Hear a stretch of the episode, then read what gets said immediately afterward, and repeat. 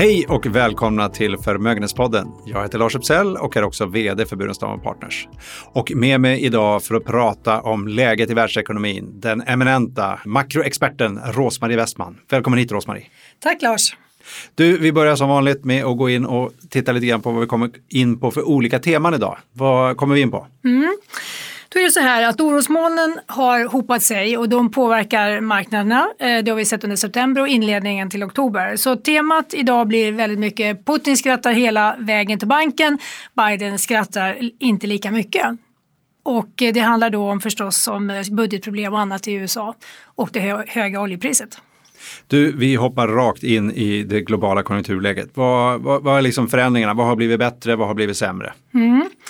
Då kan man säga att Europa klarar sig förhållandevis bra ehm, och även i Sverige. Det kan man se på prognoserna som kommer bland annat från centralbanken att de höjer prognosen för BNP.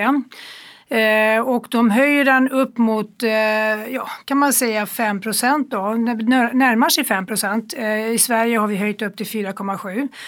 Och eh, jag tycker, ja det är väl positivt och eh, vi har en inbromsning i ekonomin som vi har pratat om. Den syns ju även på marginalen, även i Europa, och, men inte lika mycket då. Eh, den syns framförallt i USA. Där har Fed dragit ner sin prognos med en hel procentenhet eh, drygt, eh, ner från 7 till eh, 5,9 då under september och även Kina syns det väldigt tydligt och de har även en del finansiella problem som vi återkommer till då. Du, vi pratade här om, när vi var på USA så pratade vi i något tidigare avsnitt här om att hålla koll på under hösten deras eh, skuldtak och, och budgetutmaningar som låg eh, framför för Biden här. Mm. Vad, vad är status där? Ja, statusen är den att de har ju väldigt knapp majoritet i båda kamrarna, då, representanthuset och senaten. Så Demokraterna klarar ju detta på egen hand utan hjälp av Republikanerna och Republikanerna har väldigt tydligt sagt att vi, de kommer inte ställa upp, det är uteslutet.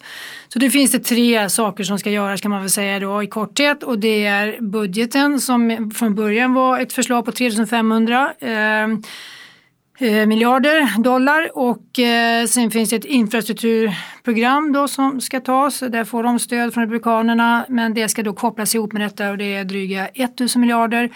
Och sen har de det här skuldtaket som ska höjas och senast 18 oktober har finansminister Yellen sagt. Och det här kopplas till varandra och då finns det två det är ju ganska vänsterorienterat. Eh, han får ju en del kritik för det. Att det här avviker från hans valkampanj men det kan man väl inte säga rakt av att det gör egentligen. Men hur som helst, det där håller på att bantas ner. Så Biden har ju försökt övertala kongressen, han har varit där flera omgångar, bland annat i fredags kväll. Och eh, en kompromiss ligger väl i korten nu att det här går ner från kanske 3500 till någonting som är 2000 kanske, eller något sånt där.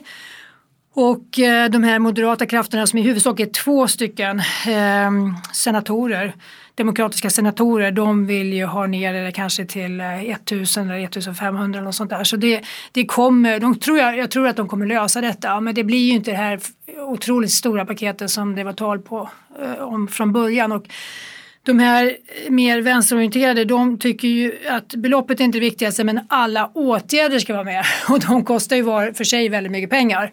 Och det är bland annat då ehm, det här med eh, ja, föräldraförsäkring och det är en hel del sjukvårdsrelaterat och ja, det är överhuvudtaget mycket på välfärdsbiten helt enkelt som man vill ha, ha igenom här då. Och det är ju även skattehöjningar på företag och förmögna personer.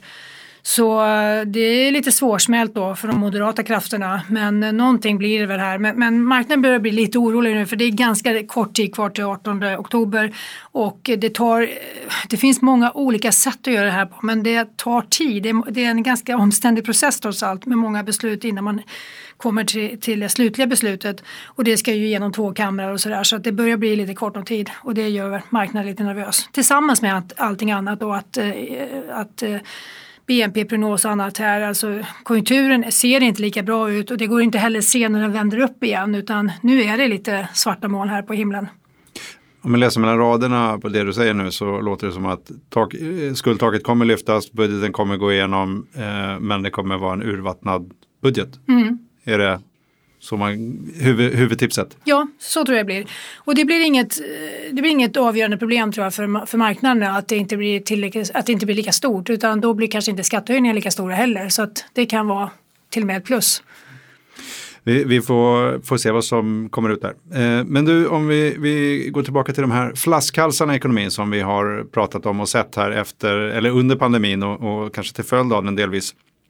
Vi har pratat om halvledare, vi har pratat, eh, vilket då är microchips numera, eller kallades förr, eh, och eh, container som står på fel ställen i världen och mycket annat. Vad, vad är status nu? Vad, vad ser vi för lösning? Har, vi, ja. har, har, det, har det löst någonting överhuvudtaget? Nej, jag kan inte se att någonting har löst eh, och jag kanske inte är helt eh, underrättad men, men det är i alla fall vad branschmänniskor säger att, att det tar tid helt enkelt och det är väl det som eh, smyger in här nu som en slutsats ändå att eh, alla har ju sett problemen men man har haft olika syn på hur länge det tar och nu är det väl fler som tror att det tar längre tid. Så att eh, det finns väl optimister som tror att det här löser sig första halvåret 22 och det kanske finns lite mindre optimistiska som tror att det löser sig inte förrän 23. Men hur som helst, de håller på längre och nu har vi det här också med att det saknas mycket lastbilschaufförer. Vi ser ju inte det så mycket i Europa men det är ett globalt problem det också. och vi har ju lite obalanser på arbetsmarknaden. Det är definitivt globalt och eh, vi har ju då en eh, löne, eh, alltså lönerna ökar som en följd av det. Eh, och det har de inte gjort på länge så det kan ju också bli inflationsdrivande på sikt. Eh, det som har tillkommit nu eh, som jag tycker kanske är lite, eller ett större problem som också kan få följdeffekter det är ju att vi har en energikris som också hänger ihop med utbudssidan på energisidan och då har vi naturgas och vi har olja. Och det här Putin kommer in att han skrattar hela vägen till banken. Han sitter ju både på naturgas och olja. Och oljan har nu, det är lite olika men vi har ju bränt och vi har VTI, eh, oljan och eh, VTI är då, den kvaliteten är nu uppe på det högsta sedan 2014 och vi har inte så långt kvar på bräntoljan heller tills, tills den nivån då på 2014 som var, ja, om den går över 83 och den är nu 81,5. Så den ligger över 80 dollar per fat och eh, så det är högt. Och eh, naturgasen den har fördubblats sedan i maj. Så den har ännu brantare eh, priskurva nu. Och eh, det finns ju olika länder hur pass, eh, ja, hur pass eh, eh beroende man är av naturgas. Men naturgas står för 30 procent globalt i alla fall av energiproduktion. Så, så det är en väldigt viktig källa helt enkelt. Och många har ju gått över till naturgas som någonting som är lite bättre än olja då på de senaste åren och eh, så det här syns ju i alla marknader och även Kina har en energikris. För de vill använda lite mindre kol. Och de handlar inte kol från Australien som de gör för där är det problem och handelsdispyter så då får de inte loss det kolet. Eh, så de stänger ner eh, produktionsenheter då för att spara. Och eh, det, man vill ju inte att det ska bli oro i befolkningen där i Kina, eh, vilket det kan bli då framförallt i norra Kina om inte det finns tillräckligt med energi här under vintern. Och den, den eh, oron finns väl även i England som inte heller har kanske de bästa förutsättningar nu för att få det här i balans. För de har ju hela tiden tyckt att regeringen behöver inte göra någonting. Vi ska inte underlätta utan vi ska så här ska det vara. Och det får ta den tid det tar att omställa men det är näringslivets ansvar att omställa. Så man vill inte blanda sig i och det där tror jag han får äta upp Johnson här efter ett tag. Och eh, vi, de har ju sin eh, eh partikonvent här nu. Eh, och det kommer inte bli några nyheter där men, men det finns väl eh, ganska stor sannolikhet att de får hjälpa till eh, i slutändan för att göra det här lite smidigare. Men, men eh, det, det, är många eh, det är många parametrar och eh, jag tycker att man kan se det koka ner i alla, liksom, alla tydligast då i, i, i just i England för där har de ju också brexit-effekter som de inte heller har planerat för. Så det, det finns en Mm, kombination av både pandemi och, eh, och Brexit och, och sen att man inte vill lösa problemen. Ehm, Europa är inte riktigt lika akut och eh, det är klart att oljepriset har ju alltid en hämmande effekt på tillväxt. Det vet vi, det är ju som en extra skatt eh, kan man se det som när priset går högt upp och så därför är det ju någonting som också spär på lite grann av den här tillväxtoron som redan finns då i marknaden. Du, om vi skulle gå till Kina och titta lite grann så har vi ju sett, eh, ja egentligen hela det året kanske och upplever att det kanske var lite mer nu efter sommaren att eh, politiska beslut och eh, eh refinansieringsbehov på, inom fastighetssektorn i Kina har påverkat börserna runt om i världen. Eh, är det här någonting som vi egentligen behöver bry oss om så mycket? Alltså fast, jag tänker på fastighetsbranschens finansieringsbehov. Mm. Ja, det är ju eh, inte helt lätt men eh, det finns ju en eh, inställning till detta att Kina kommer inte låta det bli ett så stort problem som till exempel Lehman. Det är uteslutet att de skulle bara låta det som ramla fallera helt enkelt utan att man tar hand om det. Och samtidigt så vill, man ju, så vill inte kineserna ta hand om allting för de har ju samma sak där med moral hazard de måste ju få eh, marknadskrafterna att fungera när det gäller finansiering och allt det här. Så det, det, det är, eh, ja, det är en balansgång helt enkelt. Och, eh, de har ju nu bromsat in sin ekonomi. Det gör ju de här problemen inte mindre. Å andra sidan så kunde ju obalansen ha vuxit sig ännu större om de hade låtit ekonomin eh, rusa på för högt eh, i, i tempo. Så att det här är inte eh, lätt löst. Eh, man kan tänka att det är bara är några affärer och då att de splittar upp den här stora då som heter Everground så är det löst. Att man fördelar bolag och stycker upp det och sätter det på lite mer stabila händer. Men då är väl det att det finns fler ostabila händer. Eh, så nu har vi ytterligare några fastighetsbolag här som har ställt in betalningar på sina kuponger. Eh, ett bolag vid namn Fantasia. Eh, och det kanske inte är det bästa namnet när man ska betala kuponger. Men eh, så vi, vi, jag tror vi får leva med det här ett tag och det, just nu så påverkar det Hongkongbörsen mest för det är där de är noterade eh, några av de här bolagen. Och eh, jag tror vi får, eh, ja, det, det, får helt enkelt verka ut. Och, men det på, kommer påverka definitivt eh, inte minst då tillväxten i Kina. Men, men det kan ju också påverka västvärldens inställning till investeringar generellt i Kina. Och då inte bara i skuldpapper utan kanske även i, när det gäller de här ja, nyetablerade. Och de som överväger att öka sina aktieandelar i Kina och så kan ju ja, tänka om helt enkelt och tycker att det är för stor risk när man inte vet exakt. Man förstår sig inte på systemet helt enkelt. Man har ingen transparens och man vet inte vilka den, som Den politiska blir... risken som man brukar säga. Ja, exakt. Mm. För att eh, i normala fall man visste inte vad som hände med Limen heller.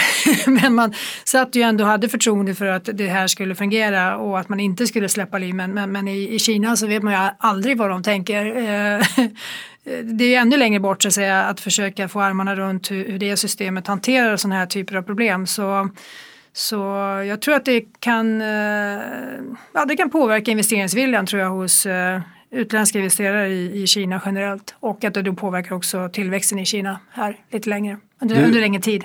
Ja, en annan som försökte påverka och förstå det kinesiska systemet var ju Donald Trump som ju bråkade ganska ljudligt med, med, med Kina eh, under sina år vid makten. Eh, och kom ju fram till handelsavtal där. Eh, och, men, men nu bråkas det om det igen. Mm. Uh, och Trump är ju inte kvar, men, men uh, det är hot om nya tullar vad jag förstår. Mm.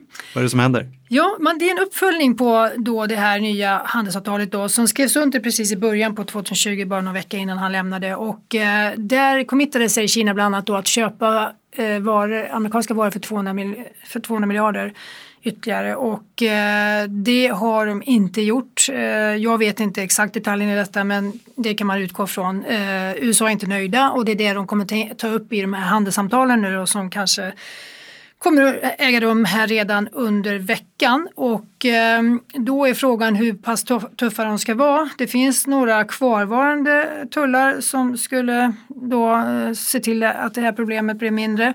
Men det finns ju också möjligheten att de kan ta till med nya tullar. Och det är klart att det blir ju helt fel signal för marknaden som redan är lite orolig för, för tillväxten globalt. Om det blir då nya eh, tullproblem mellan Kina och USA så det är ingen välkommen nyhet alls. Men eh, Biden är ganska tuff i sin retorik mot Kina får man väl säga. Mycket, mycket tuffare än vad de flesta hade förväntat sig och det finns väl inget val helt enkelt utan eh, Kina blir ju allt mer både aggressiva och tuffare och allt det här som handlar om Taiwan och så vidare. Det är inte läge helt enkelt att vara mjuk mot Kina. Så det är väl det som är lite, eh, ja, talar för att den här risken för nya tullar kanske man inte ska underskatta trots allt. Och det är inte säkert det påverkar tillväxten så det är väldigt mycket men det är ju då den psykologiska effekten av att man nu trappar upp igen då. Den kommer ju inte vara helt rätt timingmässigt för marknaden. Du, vi ska hålla kvar vid USA och politik men kanske gå över lite mer mot penningpolitik. Eh, vi pratade tidigare om de här eh, flaskhalsarna som gör att det är brist på varor och priser stiger. Vi pratar om oljepris som stiger, det är inflationstryck. Vi pratar också om brist på lastbilschaufförer eh, och vi har tidigare pratat om andra yrkesbrister, driver löner. Det här är ju inflationstryck alltihopa och, och då brukar riksbankerna höja räntorna. Men hur ser Fed på, vad är deras inställning nu till det tryck som man ändå ser på inflation? Kommer de höja räntan? Ja, de har fått börja backpedla som man säger. jag vet inte vad svenska ordet är. Man börjar paddla, paddla bakåt. Paddla bakåt i kanoten. Eh, det går ju ganska fort med deras prognoser. Alltså, så sent som i mars så hade de en prognos för att eh, inflationen under 2021, alltså innevarande år, skulle vara 2,4. Och nu i september är prognosen från samma institution 4,2. Så det går ganska fort. De har höjt alltså en procentenhet per, per prognostillfälle då. De har ju bara haft ett emellan där i juni. Det, det är ju nästan, alltså procent och procent är ju svårt att räkna, eh, men, men, det är ju nästan en dubbling då ja, av prognosen. Ja, mm. så då får de medge att de har haft lite fel och det har de gjort. Eh, de har sagt att det här kommer nog hålla på lite längre än vad de har tänkt, eller det blev mer inflation än vad de har tänkt. De har inte höjt sin prognos för 2022, vilket är nästa år, vilket jag kan tycka är lite det blir nästan lite löjligt eh, att ha kvar den då. De har, de har ökat den någon tiondel från 2,0 till 2,2 under samma period då, så det är två tiondelar. Och hur den nu ska liksom ja, gafflas in så snabbt eh, när nu inflationen blev så här hög och ligger kvar lite längre. Det blir ju näst, ja, det blir svårt att förstå helt enkelt hur de tänker kring det. Men de har inte, de, de river väl av ett plåster i taget. Mm. och det, det, blir nästa möte kanske i december som det plåstret åker av då på nästa års inflationsprognos. Så, nej, så det, de har inte någon lyckad sits utan inflationsprognosen då den går upp och eh, BN-prognosen som vi har nämnt tidigare då här idag har ju gått ner. Och eh, när det gäller arbetsmarknaden så är de också lite mindre positiva även om inte det är några stora skift där. Men eh, det finns ju alltså, det är väl det mest positiva jag kan se efter pandemin det är väl att efterfrågan på arbetskraft är väldigt hög. Men problemet, baksidan det är ju att det är fel utbud av arbetskraft så det är därför som det ser kanske starkare ut än vad det är. Alltså det finns efterfrågan på arbetskraft men inte på den som finns.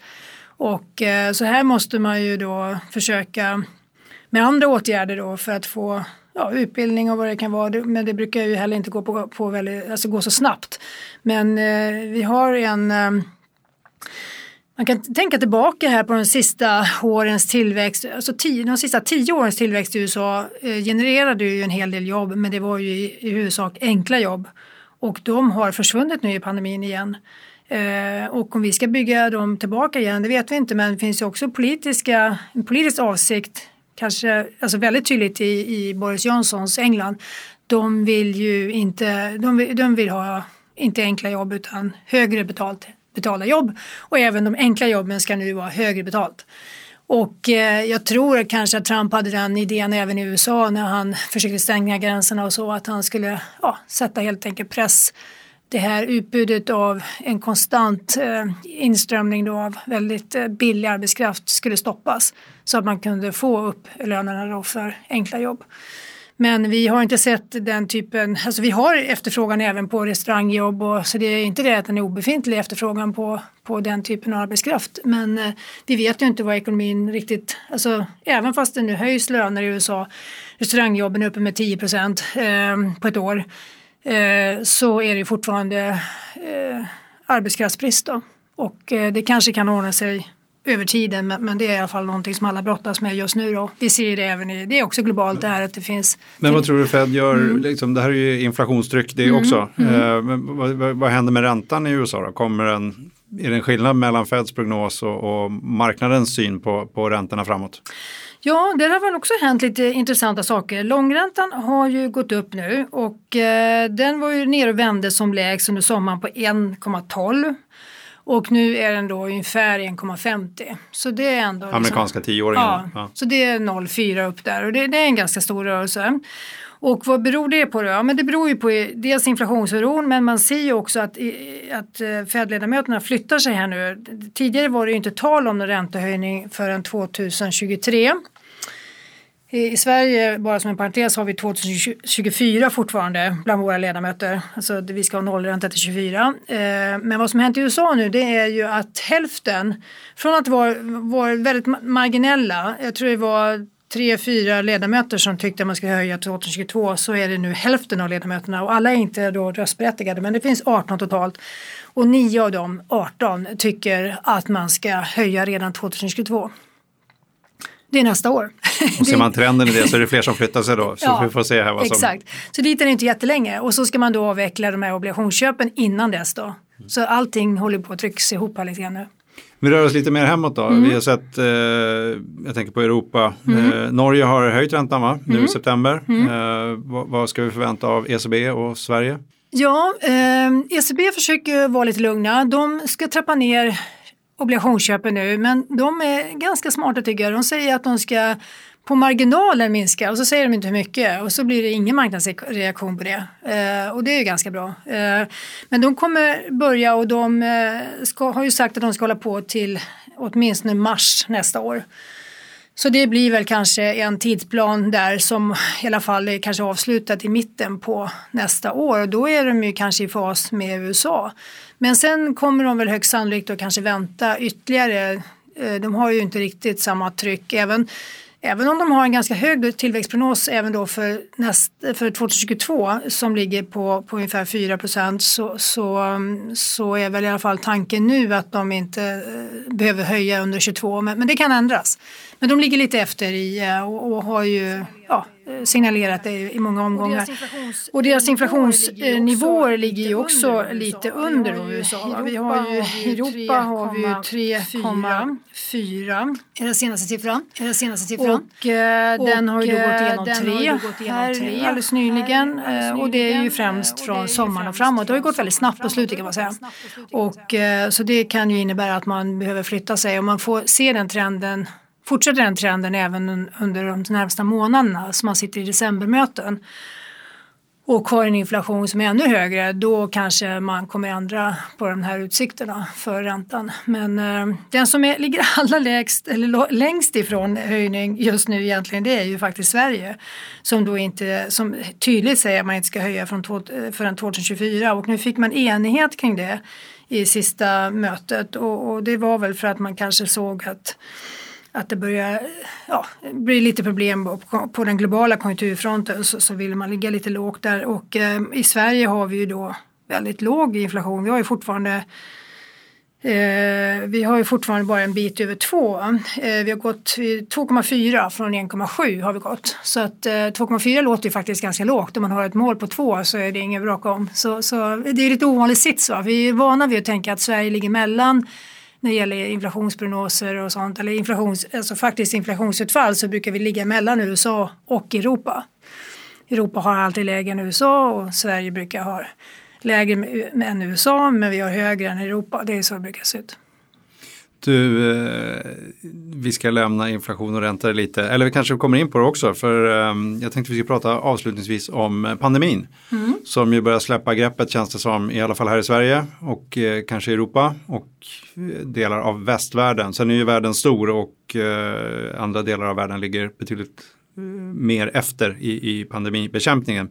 Men kan det bli positiva effekter av det här? Vi har ökar det efterfrågan och vi har tidigare pratat om att efterfrågan är inte det som är problemet utan det är utbudsproblem. Mm. Eh, men hur ser du på det här, är det positivt? Ur ett mänskligt perspektiv är det positivt. Eh, ska jag säga. Ja, det är absolut positivt. Eh, frågan är om det kan omsättas då i tillväxttermer och eh, det är väl kanske så att det inte kan det på kort sikt. Eh, vi, kan, vi kan se lite förflyttning kanske från varor till tjänster. Eh, alltså det finns mer evenemang som går att genomföra och det kommer ju påverka alla som, ja, tjänstesektorn generellt så att säga kommer ju ha lite nytta av det. Men eh, samtidigt så blir det ju då mindre tid att eh, konsumera varor. Så det kommer antagligen slå på den sidan. Och, eh, och där har vi redan som vi har sagt utbudsproblemen då som, som eh, ja, har, har sin orsak i de här flaskhalsarna. Så det är kanske bara bra att den efterfrågan minskar lite grann. Men eh, det är svårt att se alltså eh, den här, de här kringeffekterna Eh, Eh, när det gäller industriproduktion, de är mycket större. Alltså det påverkar större delar av ekonomin. Alltså, eh, industrisektorn är en ganska liten del av ekonomin men den har de här effekter, kringeffekterna på alla underleverantörer. Och så, alltså inte bara det utan även tjänstesektorn är ju till vissa delar beroende av industriproduktionen. Så att om någon går på ett evenemang Eh, en konsert så har ju inte det samma effekt, kringeffekter som allt det här in, inom industrisidan har. Så det, det är, eh, jag tror man underskattar det alltså att eh, när industrikonjunkturen inte går bra utan kyls av och vi vet inte när det vänder upp igen då kommer det vara en större påverkan än det andra. Det, vi har hunnit med mycket idag Rosmarie eh, och vi har varit igenom allt från den globala konjunkturen. Vi har tittat in och eh, hört om USA som igen då tänker införa tullar mot Kina eller återinföra dem, höja dem. Eh, vi har pratat om skuldtaken i USA och den budgeten som ska komma igenom där och se om den blir utvattnad eller inte. Och så har vi vänt hemåt och eh, pratat om Europa och eh, utsikterna här för räntorna vana trogen nu här på slutet så har vi gått igenom och liksom, om du ska lyfta fram en sak av det vi varit igenom idag, vad, vad är det du skulle vilja lyfta fram som den viktigaste saken att hålla ögonen på? Jag tror jag lyfter fram samma sak som förra gången, eh, om det är okej. Okay. Och ja. det är det här inflationsutvecklingen och eh, inte bara den faktiska inflationsutvecklingen utan som jag även sa förra gången, reaktionen på inflationsutvecklingen. Det är nyckeln till allt eh, och det kommer påverka marknaden och det påverkar också räntorna. Så de här 1,5 på tioåriga räntan i USA kan ju tyckas lite högt men den kan mycket väl gå vidare om allting pekar åt en högre inflation och att det här ligger kvar längre så kan vi nog se ytterligare lite ränteuppgång skulle jag tro. Eh, och det påverkar alla tillgångslag så det blir ju en lite mindre eh, optimistisk period då. Eh, men man får väl se det som att vi ja, nu blir det ett långslag, mm. långt svar på din fråga, men att vi ändå anpassar eh, ekonomin till detta. Det, det, är någonting man inte kan komma ifrån utan ibland får man ju ta sådana perioder helt enkelt där det måste omprisas saker och ting slutorden från dig idag Rosmarie. Eh, jag vill slå ett, eh, passa på att slå ett slag då för eh, vår hemsida burenstam.se där ni kan gå in under insikt som är vår blogg. Där kan ni också prenumerera på ett nyhetsbrev. Då kommer den här podden och intressanta artiklar direkt i mailboxen. Tack Rosmarie för att du var med idag och tack till er lyssnare för att ni var med.